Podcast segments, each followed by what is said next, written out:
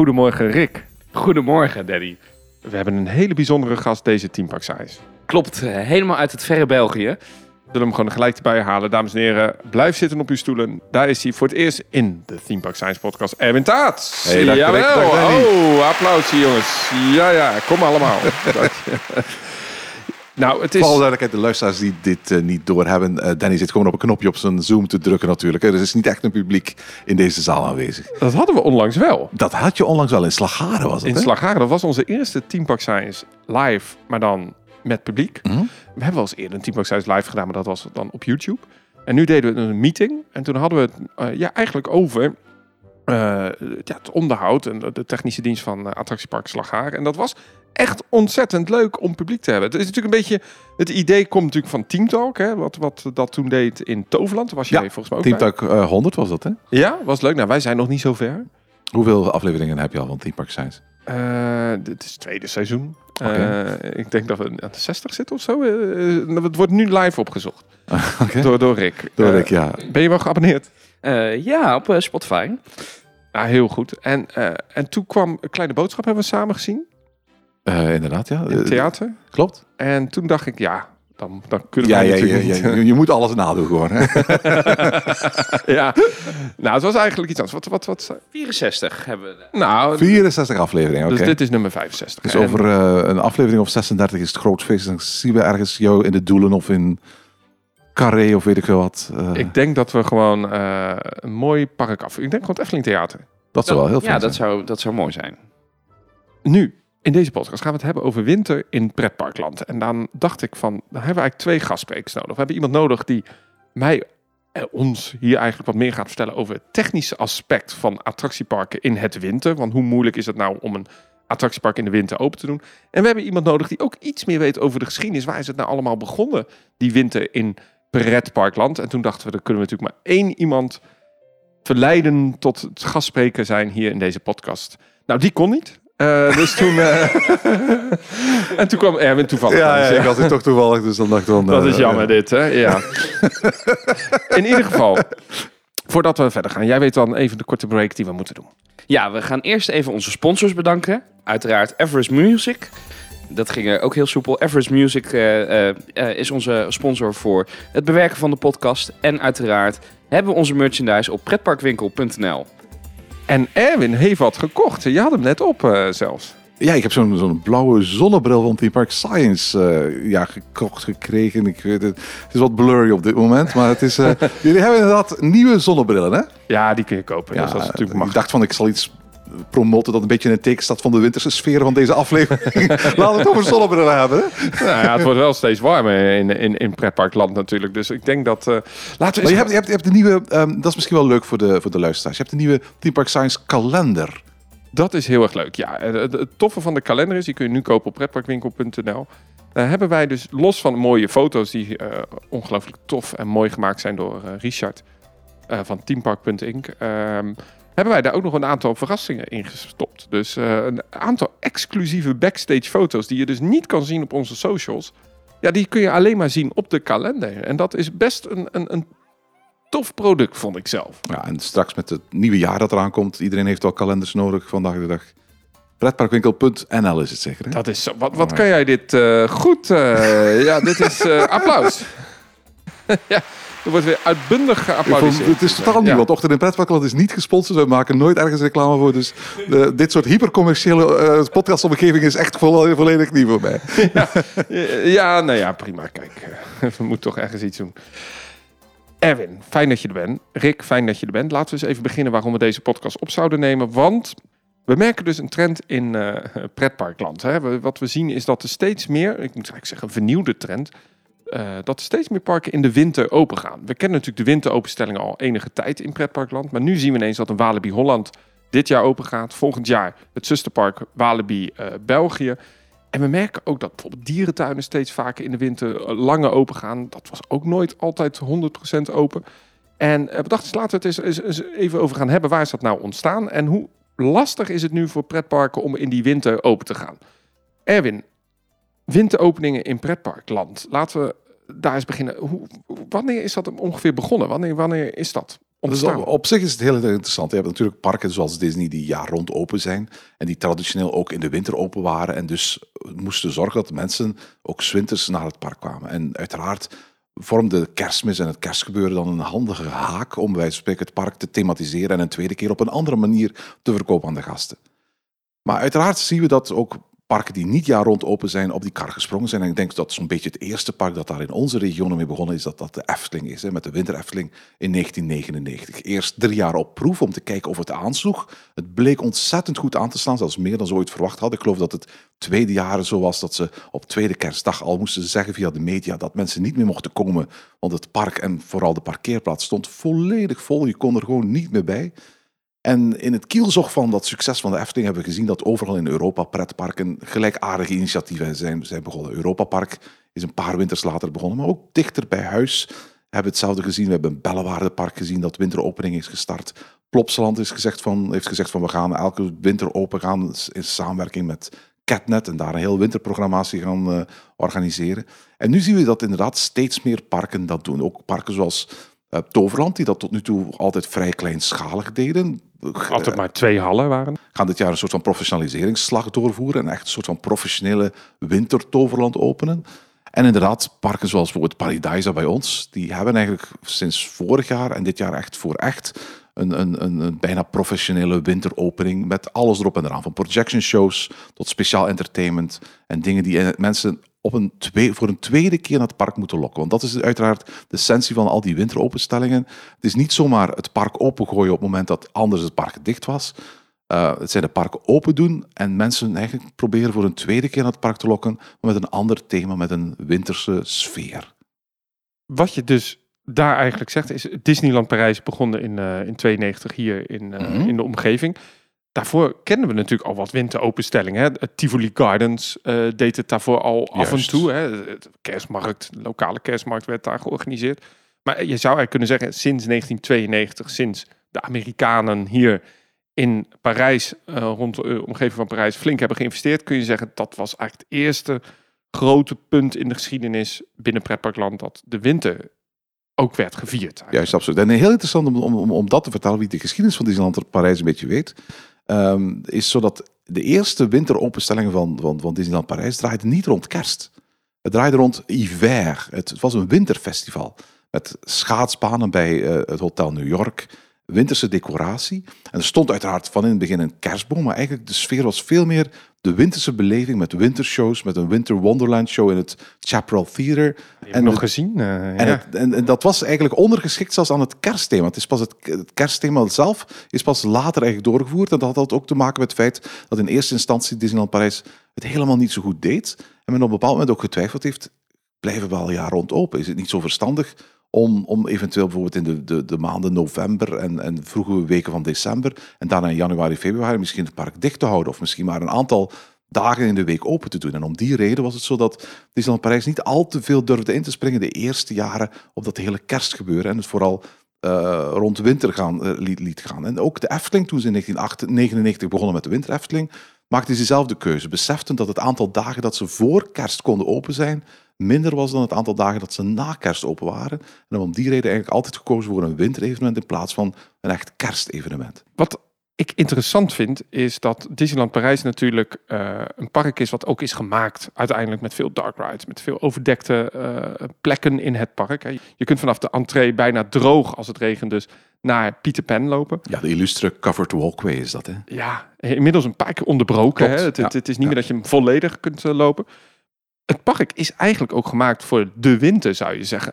Um, Rick, als ik het dan heb over Walibi Holland, dan denk ik niet aan een park wat is gemaakt op het winter.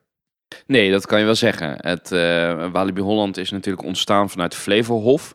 Een park wat vooral draaide om agricultuur.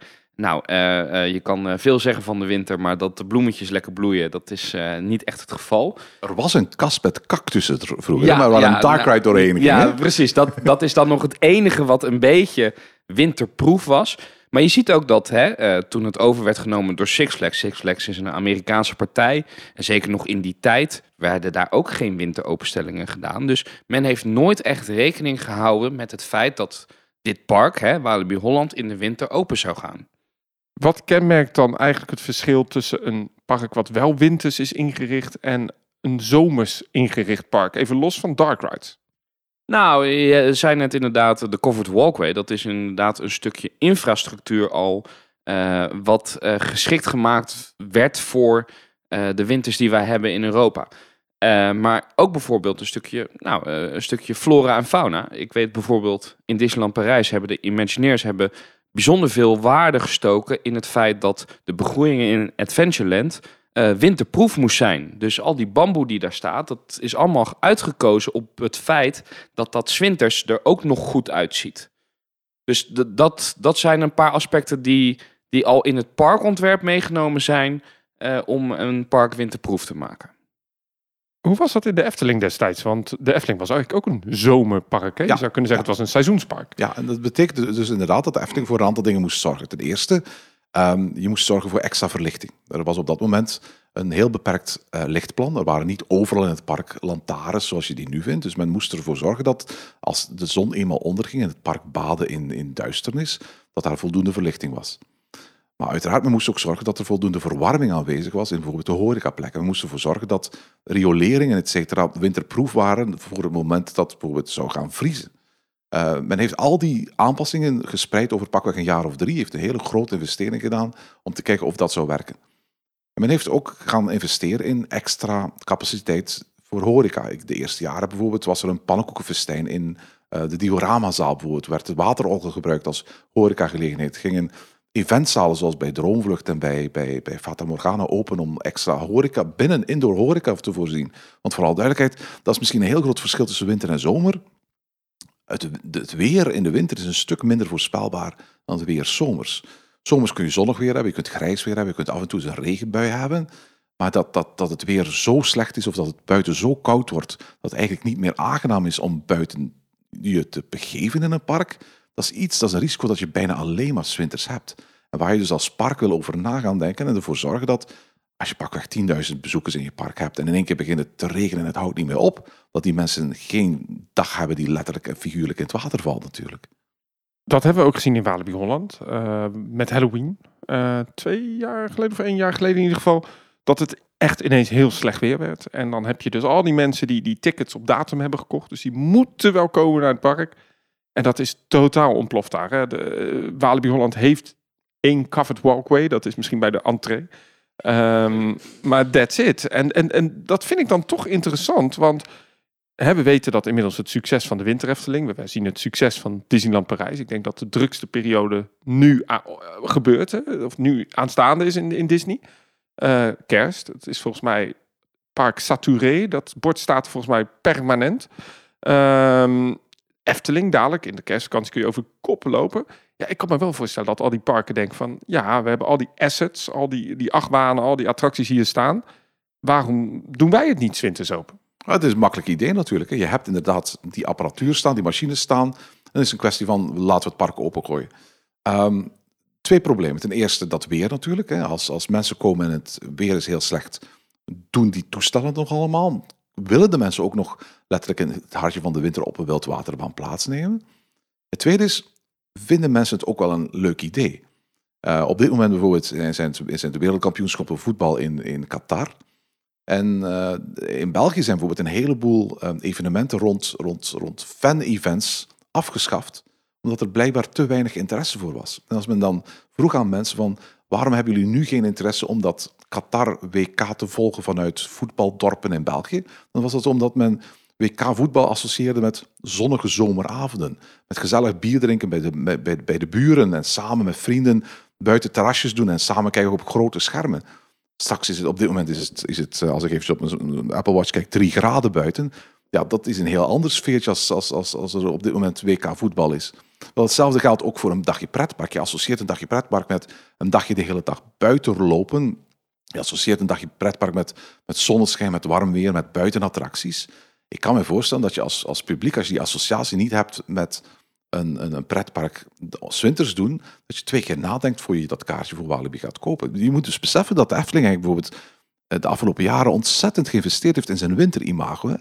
Niet alleen omwille van het feit dat ze al 20 jaar aan een stuk de winter Efteling doen. Ik geloof dat het al 24 jaar aan een stuk is. Maar ook omdat ze heel bewust acties opzetten met bijvoorbeeld Kruidvat. Elk jaar aan het begin van, van, van, van de winterperiode. Om als het ware mensen een soort van reminder mee te geven van hey, het is weer winter Efteling.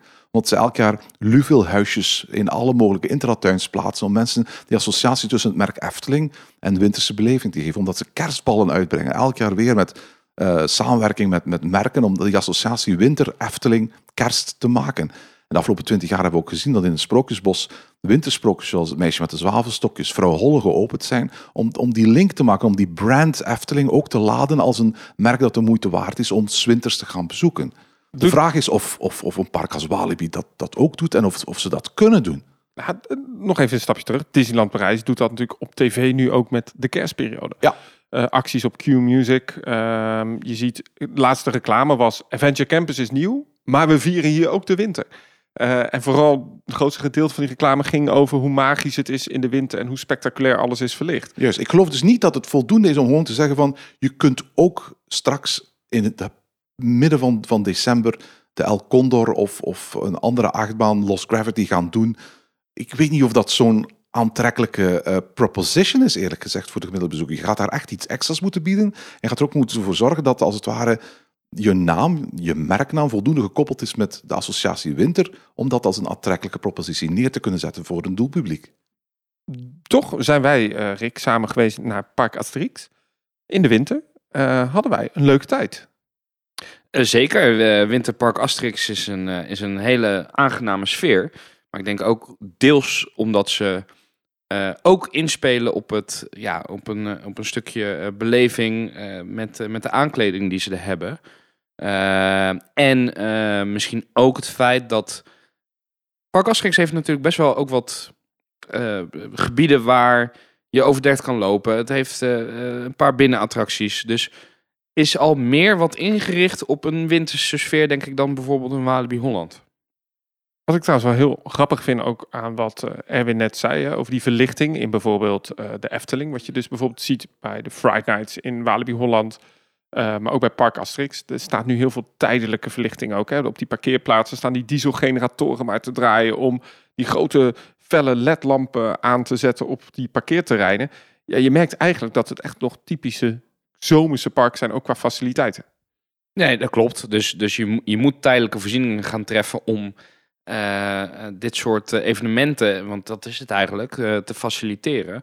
En dat gaat inderdaad van een stukje verlichting tot aan ja, je achtbanen winterproof maken. Hè, dat is ook niet zomaar evident dat je een achtbaan kan laten draaien in de winter. En je zegt nu al een stukje verlichting, maar veel mensen onderschatten dat, denk ik. Parken zijn doorgaans 40, 50, 60, 70 hectare groot. Um, als je daar een kerstsfeer in wil scheppen, dan besef je dat je eigenlijk een behoorlijk grote oppervlakte aan kerstversiering, kerstverlichting, kerstbomen, winterversiering gaat moeten voorzien. Um, een, een, gewone stad kan er zich relatief goedkoop van afmaken. Die zorgt voor wat kerstversiering, die zorgt voor een plein met een schaatsbaan en een aantal leuke kerstmarktjes. Maar voor de rest is het zo dat een stad, daar wonen echt mensen, daar zijn echte winkels. En die winkels gaan zelf wel zorgen voor hun eigen kerstversiering. Die mensen gaan zelf wel thuis hun kerstboom zetten. En als je s'avonds door de stad wandelt, dan zie je een heleboel kerstversiering die niet door de stad zelf is voorzien. Als je straks door Walibi Holland gaat wandelen, dan moet elke vierkante centimeter kerstversiering in dat hele park, ik geloof dat zo'n 50 hectare groot is, echt wel voorzien worden. Want anders heb je grote kale plekken, niks, leegte. En dat is wel heel erg saai natuurlijk. En dat is natuurlijk nou. een valstrik voor veel van die parken. Die beseffen oh. niet hoeveel thematisering je wel niet nodig hebt om een beetje wintersfeer op zo'n grote oppervlakte te krijgen. En ik merkte dat tijdens mijn laatste bezoek in de Efteling ook. We hebben de winter Efteling als een voorbeeld. Overdag is daar weinig sfeer in de winter. Uh, dan is het gewoon de Efteling zoals we het kennen, met wat kerstbomen die wit gespoten zijn, een paar plaatsen. Maar pas s'avonds is het het magische winter Efteling zoals we het kennen, met de twinkelende lampjes, met wat special effects her en der verstopt. Dan is het heel spectaculair. Maar kom overdag op de winterweide, dat vind ik niet zo heel bijzonder. Ja, we hebben echt gezien dat de Efteling de afgelopen jaren echt van die winterweide een soort van concentraat is proberen te maken. In plaats van als het ware de winter over de hele Efteling uit te leggen, probeert men steeds meer dingen te concentreren op een paar plekken. En, en dan vooral in te zetten, inderdaad, zoals je zelf zegt, op de magische beleving, het feerieke van de Efteling na zonsondergang. Waarbij natuurlijk helaas zo is dat er steeds minder dagen zijn waar je s'avonds in het duisternis de Efteling kunt meemaken. Dat is ook al met Disney, hè? want Disney heeft eigenlijk ook alleen de Main Street waar echt de, de kerstversiering is te vinden. Als je in andere gebieden loopt, dan is er nauwelijks iets van, Klopt. eh, van versiering te vinden. Dat is een van de dingen die je inderdaad ook merkt als je reclames ziet voor, eh, voor kerst in Disney. Je ziet eigenlijk alleen maar foto's van, van Main Street. Hè? Ja, ja klopt. Dat is de, in de andere delen is, is er nauwelijks iets te Hoogstens is een kerstboom ergens in een restaurant of in een souvenirwinkel. hè. Ja, precies. Eigenlijk de enige parken waarvan ik weet dat ze volledig in kerstversieringen eh, overgaan is eh, Europa Park. Waar ze, eh, denk ik, het halve Zwarte Woud aan kerstbomen in het park stoppen met eh, kerstverlichting. En het park waar ze het ook heel goed doen, en dat is uiteraard omwille van het feit dat ze het kunnen door een kleine, kleine footprint, dat is Fantasieland. Fantasieland is een heel klein park en kan dus mm, door de beperkte hoeveelheid ruimte die ze hebben, relatief makkelijk dat hele park in kerstsferen hullen. We hebben het nu heel erg over aankleding. Hè? Daar hebben we gezegd verlichting heel belangrijk. Eh, we hebben gezegd, nou, schaatsbaan her en der kun je plaatsen. Je kunt wat, wat, wat semi-permanente attracties eh, erbij zetten. Denk aan de, de, de overlay in eh Europa Park bij, hoe heet dat ding? De Atlantica Supersplash. Wat komt daar altijd in? De Bellevue reusgrad. elk jaar te vinden, daarom ook semi-permanent. Dus daar vervangen ze ook echt waterattracties voor extra capaciteit. Wat een hele leuke trend is, vind ik, bij Europa Park, is...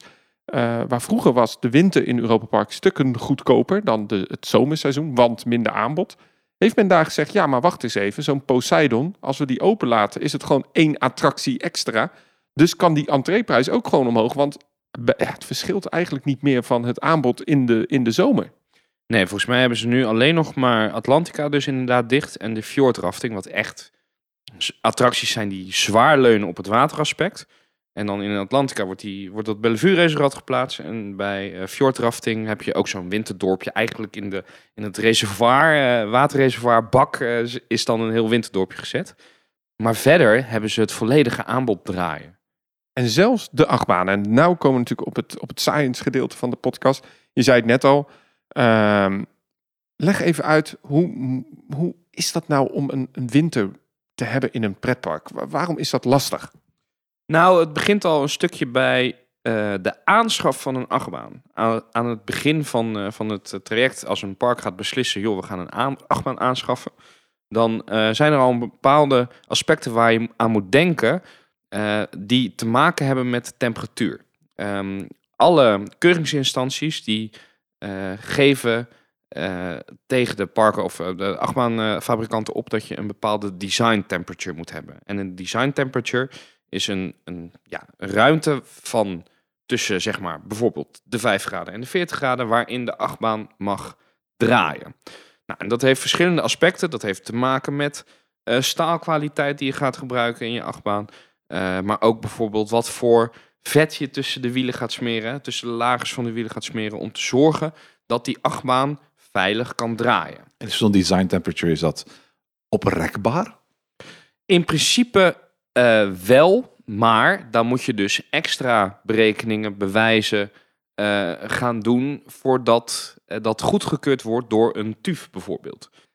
Als je staal gaat bestellen, dan heeft dat te maken met een bepaalde kwaliteit, onder andere bijvoorbeeld je kerfslagwaarde. En dat zegt ehm, onder deze temperatuur, bijvoorbeeld min 20, weet ik dat mijn staal minimaal deze sterkte heeft of deze breuksterkte. Dus eh, als jij dat staalsoort besteld hebt, dan kan jij dus niet onder de eh 20 graden gaan opereren. Dat is een vaste waarde. Maar bijvoorbeeld, eh, je hebt ook bijvoorbeeld eh, te maken met eh, vet in je lagers. Nou, dat is ook ontworpen voor een bepaalde temperatuurrange. Ja, daar kan je mee gaan spelen. Dus je, je moet daar een balans in zien te vinden tussen ehm, wat kan ik technisch uitnutten en eh, kan ik gebruiken om eventueel die design temperature nog omlaag te brengen. Maar dat moet dus allemaal via de, via de, de derde instantie, een TUF, een DNV, moet dat gebeuren. Heel concreet, we zijn, we zijn op dit moment, het is drie graden buiten. Ehm, er is volgens mij geen enkele achtbaan in Walibi Holland ooit aangekocht met het idee van we moeten winters open gaan. Hoe ziet mijn dag in de winter in Walibi Holland er op een dag als vandaag uit? Nou ja, als we inderdaad alle acht banen een design temperature hebben van 5 graden of hoger, dan moeten ze dicht. Dat is, Dan mag ik hopen dat er wel heel veel kerstversiering en Ja, kerstentertainment eh, Nee, is in Walibi Holland op dit dat, moment. dat is effectief inderdaad het effect. Nou, ehm, weet ik dat Ehm, eh, de oudere Vekoma achtbanen bijvoorbeeld, die hebben volgens mij een design temperature van min 5 graden Celsius. Dus die hebben al wat meer ruimtespeling. Uh, maar ja, er zullen inderdaad achtbanen tussen zitten die niet kunnen draaien in de winter. En volgens mij heb, heeft Walibi Holland ook aangekondigd dat bepaalde achtbanen dicht zullen blijven tijdens hun event. Sterker nog, de nieuwste achtbaan in het park, Lost Gravity. Oh, nou, de ene is dat, Ja, sterker nog, uh, de ene nieuwste uh, attractie in het park, Lost Gravity, die gaat deze winter niet open. Ja, en ik denk dat dat grootdeels te maken heeft ten eerste ook met de design temperature, maar ook een stukje gewoon uh, ontwerp. Ik weet bijvoorbeeld dat bij Lost Gravity, nou dat kan je zelf zien, als die uit het station rijdt, heeft hij best wel veel moeite, zeker ochtends, om al de, de lifthill te behalen. Omdat ja, die bocht die ze maakt, die is heel flauw. En uh, als die wielen niet warm genoeg zijn, dan uh, haalt hij gewoon de kettinglift niet. Dus ja, wil je als park het risico lopen dat je vier keer, vijf keer per dag dat wagentje met twee medewerkers richting die kettinglift moet gaan duwen.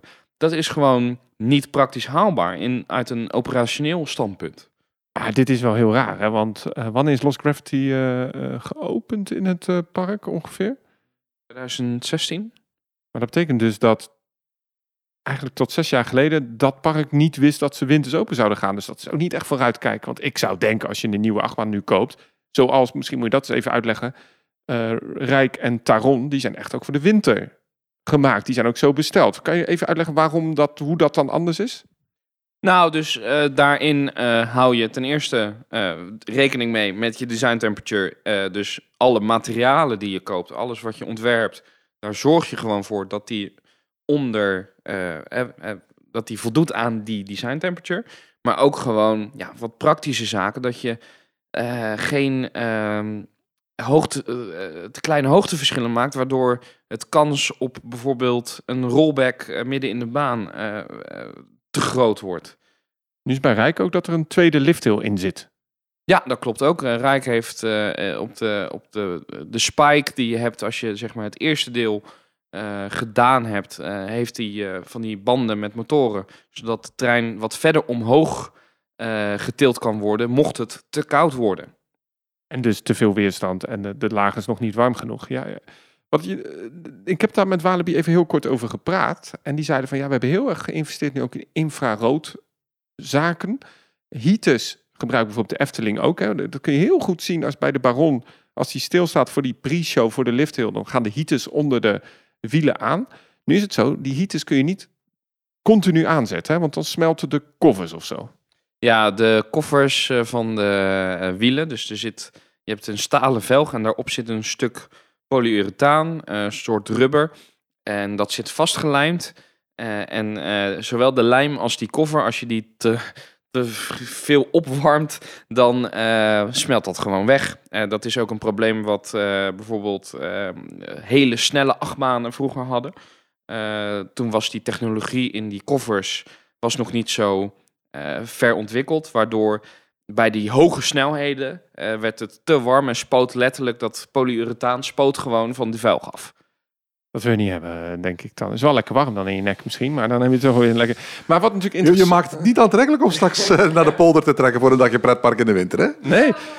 Ja, dat, dat uh, kijk, uh, Walibi zal vast um, voorzorgsmaatregelen treffen, zodat uh, het veilig is hè, tot een bepaalde, ik denk een, min 5 graden, dat dat een, een, een richttemperatuur wordt om veilig die achtbanen te kunnen runnen. En als ze open kunnen, veilig onder die temperatuur, dan uh, zullen ze dat doen.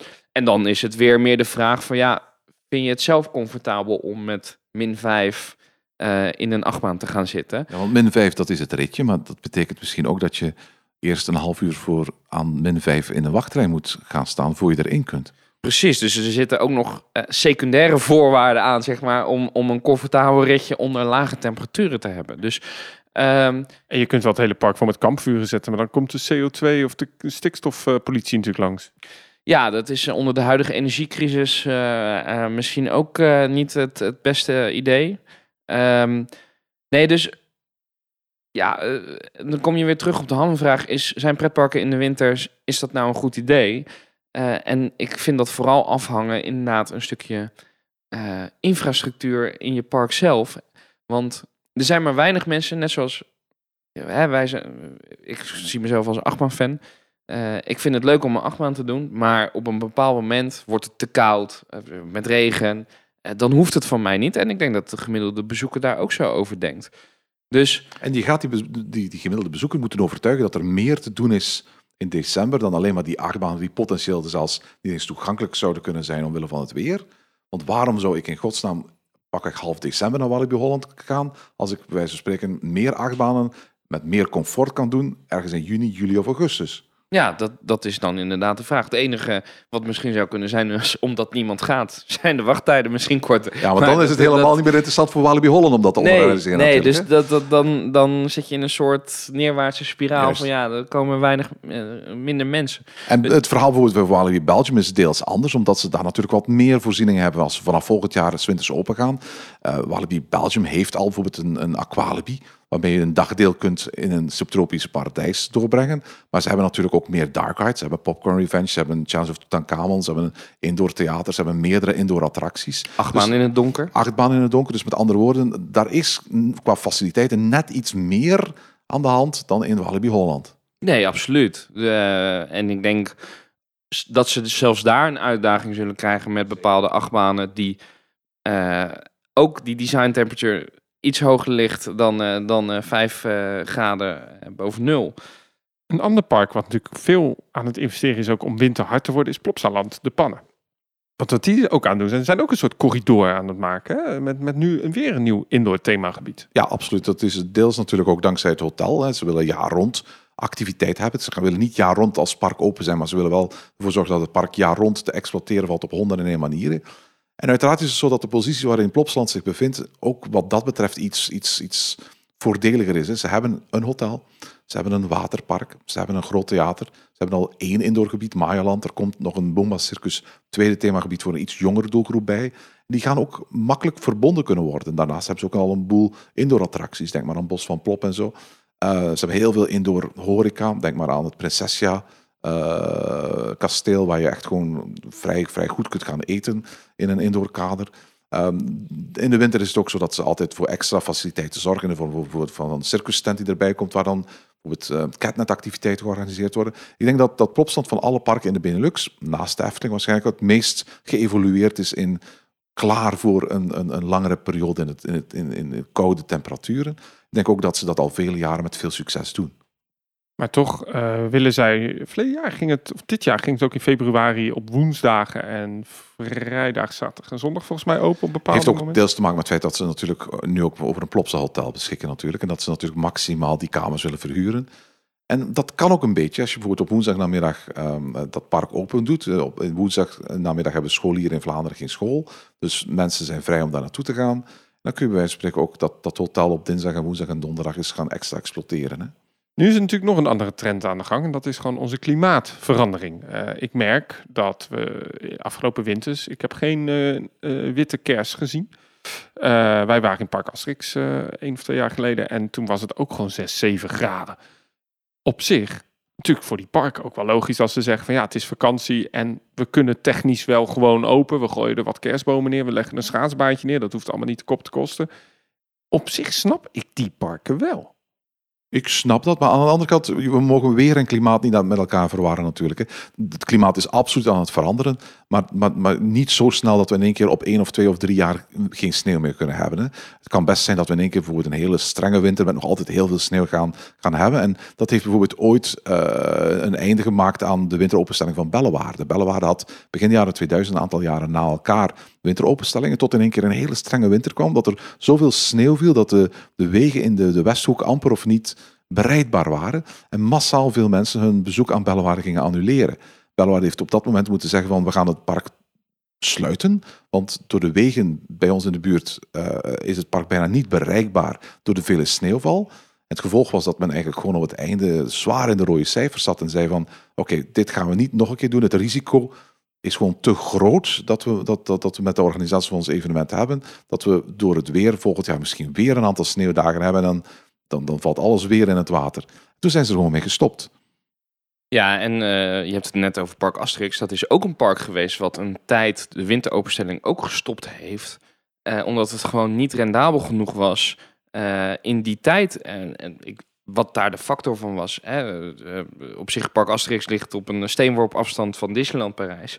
Ehm, dus eh, die hebben met hetzelfde weer te maken. Maar eh, ook die hebben soms de stekker eruit getrokken. En het pas sinds een, een, een paar jaar weer opnieuw Ik ingevoerd. geloof dat bij Park Asterix een heel klein beetje anders was. Die hebben op een bepaald moment, die hadden dacht ik maar een dag of 14, 15, 16 aan winteropenstellingen. En kregen zoveel vraag vanuit Parijs en omgeving voor bedrijfsevenementen, dat ze op een bepaald moment gedacht hebben van, maar eigenlijk kunnen we elke dag dat we open zijn, ons park gewoon verhuren aan bedrijven. Toen hebben ze gewoon gezegd van, we sluiten het gewoon als een soort van openbaar evenement. En toen was het zo dat eigenlijk Park Asterix, denk ik een jaar of acht lang, stiekem winters open ging, maar alleen maar voor bedrijfsevenementen toegankelijk was. Dat wist ik niet. Wat interessant is natuurlijk dat je zegt van eh Walibi Holland heeft acht maanden van 20 jaar oud. Misschien met een beetje geluk kunnen zij eh, open.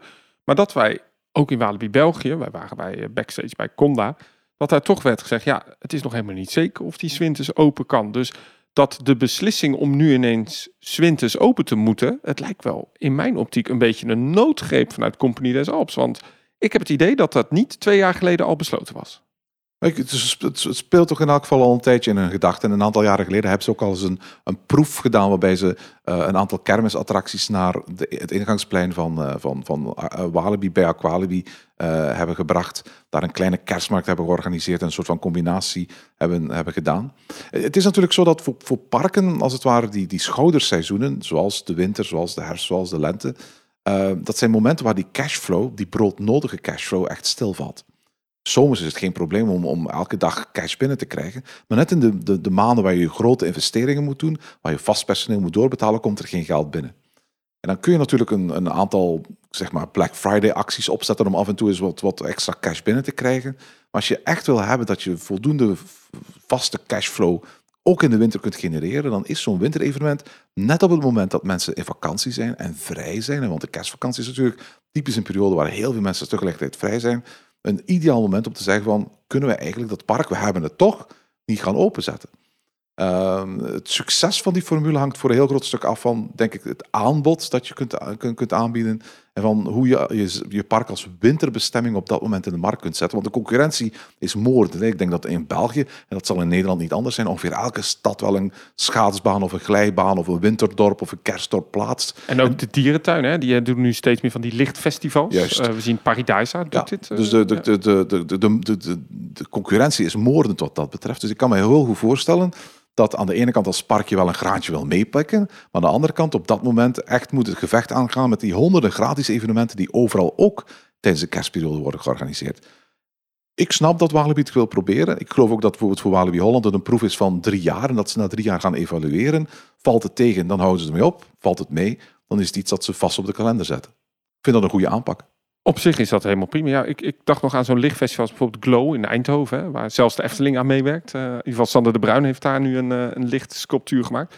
Maar je merkt inderdaad dat er terecht veel, veel concurrentie. Dus je moet best onderscheidend zijn.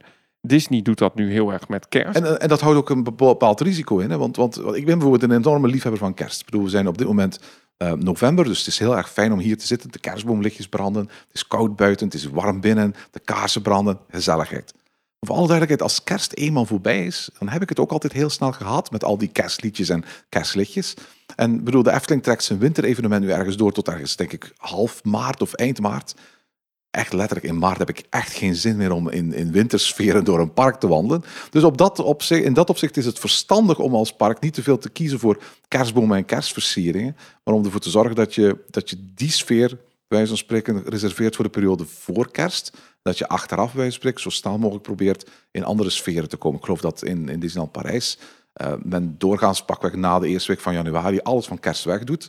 In het verleden heeft men dan nog een soort van tussenseizoen met ofwel Frozen Prinsessen of Star Wars of Marvel probeert te, eh, te organiseren. Maar op dat moment niet te veel meer in te zetten op winter. We zijn op dat moment ook wel klaar met al die evenementen. En we kijken dan uit naar de lente en wat er komt daarna. Lion King eh, Festival was volgens mij ook eens een keer inderdaad Princess and Pirate Party heb ik wel eens een keer gezien. Dus, eh, maar goed, dan praat je niet alleen maar meer, dan praat je eigenlijk over de winteropenstelling inderdaad na, jan, ja, na januari. Juist, en ik denk dat dat iets, iets is waar je heel goed over na wil denken als, als, als park. Als je een winteropenstelling hebt die verder gaat dan alleen maar de kerstvakantie, dan heb je niet alleen de technische beperkingen waar, waar, waar ik het over had. Want vooral duidelijkheid, vaak zijn de maanden januari, februari nog kouder dan de maanden november en december. Het weer is vaak ook guurder, er is veel meer kans op sneeuwval. Aan de andere kant uh, is natuurlijk ook zo dat je een beetje met die sfeer zit natuurlijk, die heel anders is. Hè. De, de, de standaard kerstverlichting, kerstsfeer, die, staan maanden, die staat maanden als november en december als gegoten. Dat is een beetje een tang op een varken in januari en februari natuurlijk. Ja, en bovenop daar nog, als je geen jaar rond park bent, zoals nu een Efteling of Disneyland Parijs, je moet ook gewoon je onderhoud blijven doen. Je jaarlijkse onderhoud van je, van je attracties. Ja, daarvoor zijn de maanden januari, februari, maart zijn daar uitermate voor geschikt.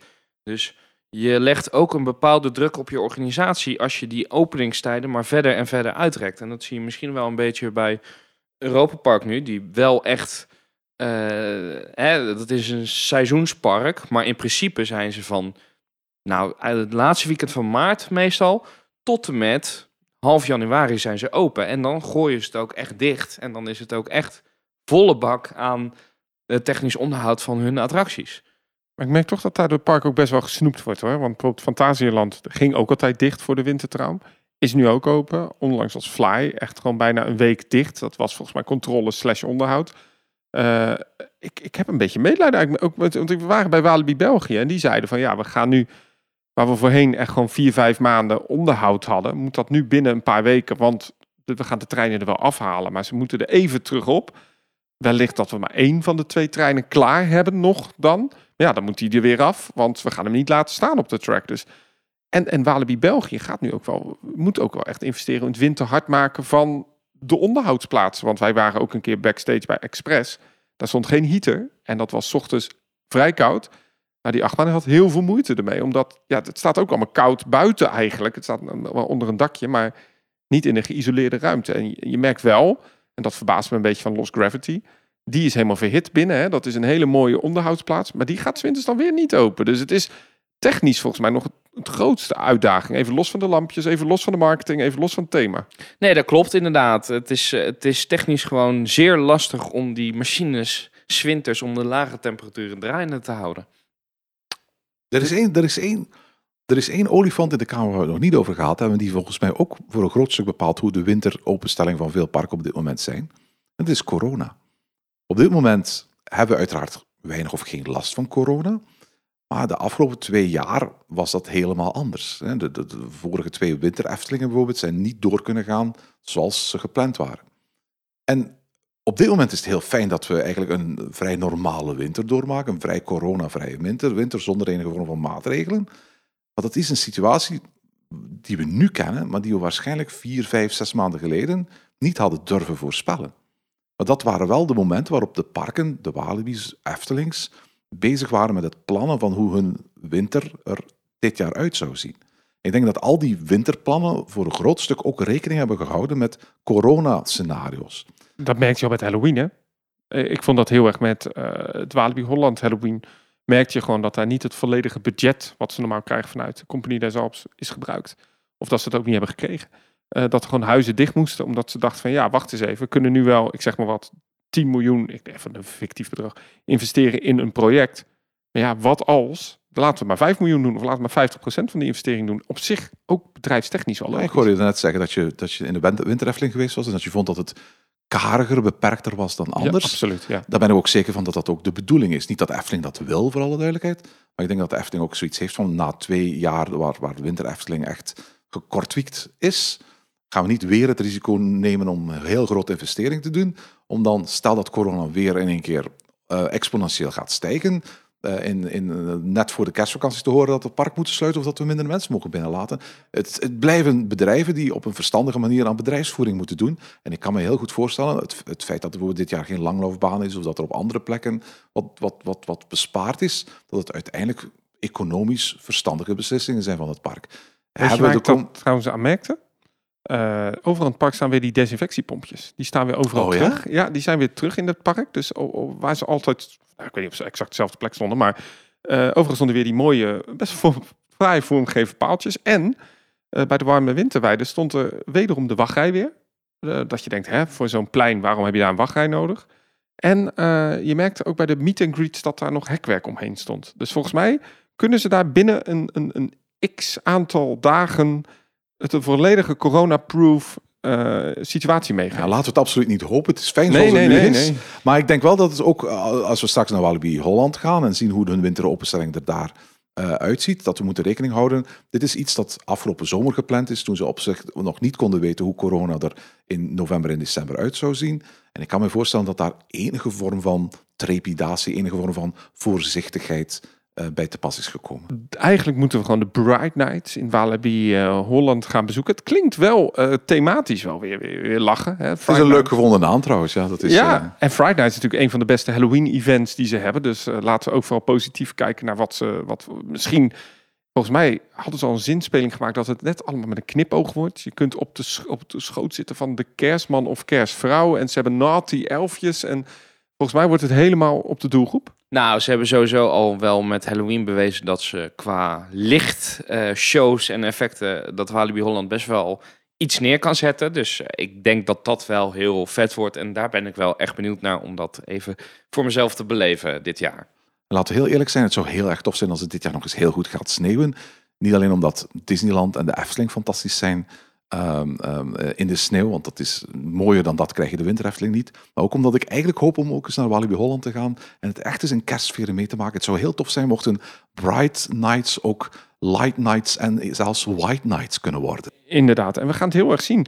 In ieder geval heel erg leuk om te zien dat natuurlijk al sinds 92 in Disney de eerste stappen zijn gezet in de pretparken hier in Europa om dat winter ready te maken. De Efteling, Europa Park Fantasieland en dat eigenlijk steeds meer andere parken waarvan we zouden kunnen concluderen, dit zijn echt zomerparken, dat die steeds langer open blijven. We hebben het eigenlijk helemaal niet gehad over Faroep Sommerland, wat nu ook weken langer is open gebleven. We hebben het eigenlijk nog niet gehad over de plannen die Toverland heeft. Want ook zij hebben hele grote Ja. plannen voor deze, deze winter. Ziet er ook heel erg bijzonder en veelbelovend uit. En ik ga zeker ook eens een kijkje gaan nemen daar. En die gaan ook voor het eerst eh, Phoenix openen in de winter. Ja. Dus eh, het, het is best wel interessant om te zien dat eigenlijk bij de winteropenstelling een soort ja, nieuwe generatie parken gaat opstaan. En heel benieuwd wat zij leren of hebben geleerd van de, van de, ja, de oude rotten in het vak. Ja, en ik denk inderdaad dat eh, ook door het proberen van die winteropstelling krijg je ook weer meer innovatie in de parken. Dus uiteindelijk eh, zal het ook gewoon daarin zijn positieve effect hebben. Nou, laten we misschien maar eens gewoon zeggen dat we nog een keer een podcast moeten opnemen in, in, in de januari maanden. Dat we lekker aan de gezonde smoothies zitten om weer af te vallen. Om al die, om kerstkilo's eraf te halen. En gewoon eens een evaluatie doen van alle parken die nieuw zijn. Dan hebben we als het goed is de Bright Nights bezocht. Een Toverland lijkt me een goed idee om daar eens heen te gaan. En wie weet volgend jaar Walibi België. In ieder geval, de bel gaat. Dat betekent volgens mij dat de kerstman binnenkomt hier zo. Dus wij gaan lekker aan het diner, aan het, aan het kerstdiner. Eh, Rick, dankjewel. Erwin, leuk dat je eens een keer in deze podcast was. Graag gedaan. En eh vond, je, vond je het een succes? Ik, ik vond het best wel gezellig hier. En ik- voor alle duidelijkheid, het opnemen van podcasts rond de tafel terwijl de kerstboomlichtjes twinkelen. Ik moet eerlijk zeggen, dat is een serieuze pro. Hoor. En, en dat je eh, de prachtige merchandise voorbij ziet komen hier Absoluut. continu. Dat is, Te koop via pretparkwinkel.nl zeker. dankjewel Erwin. Bye.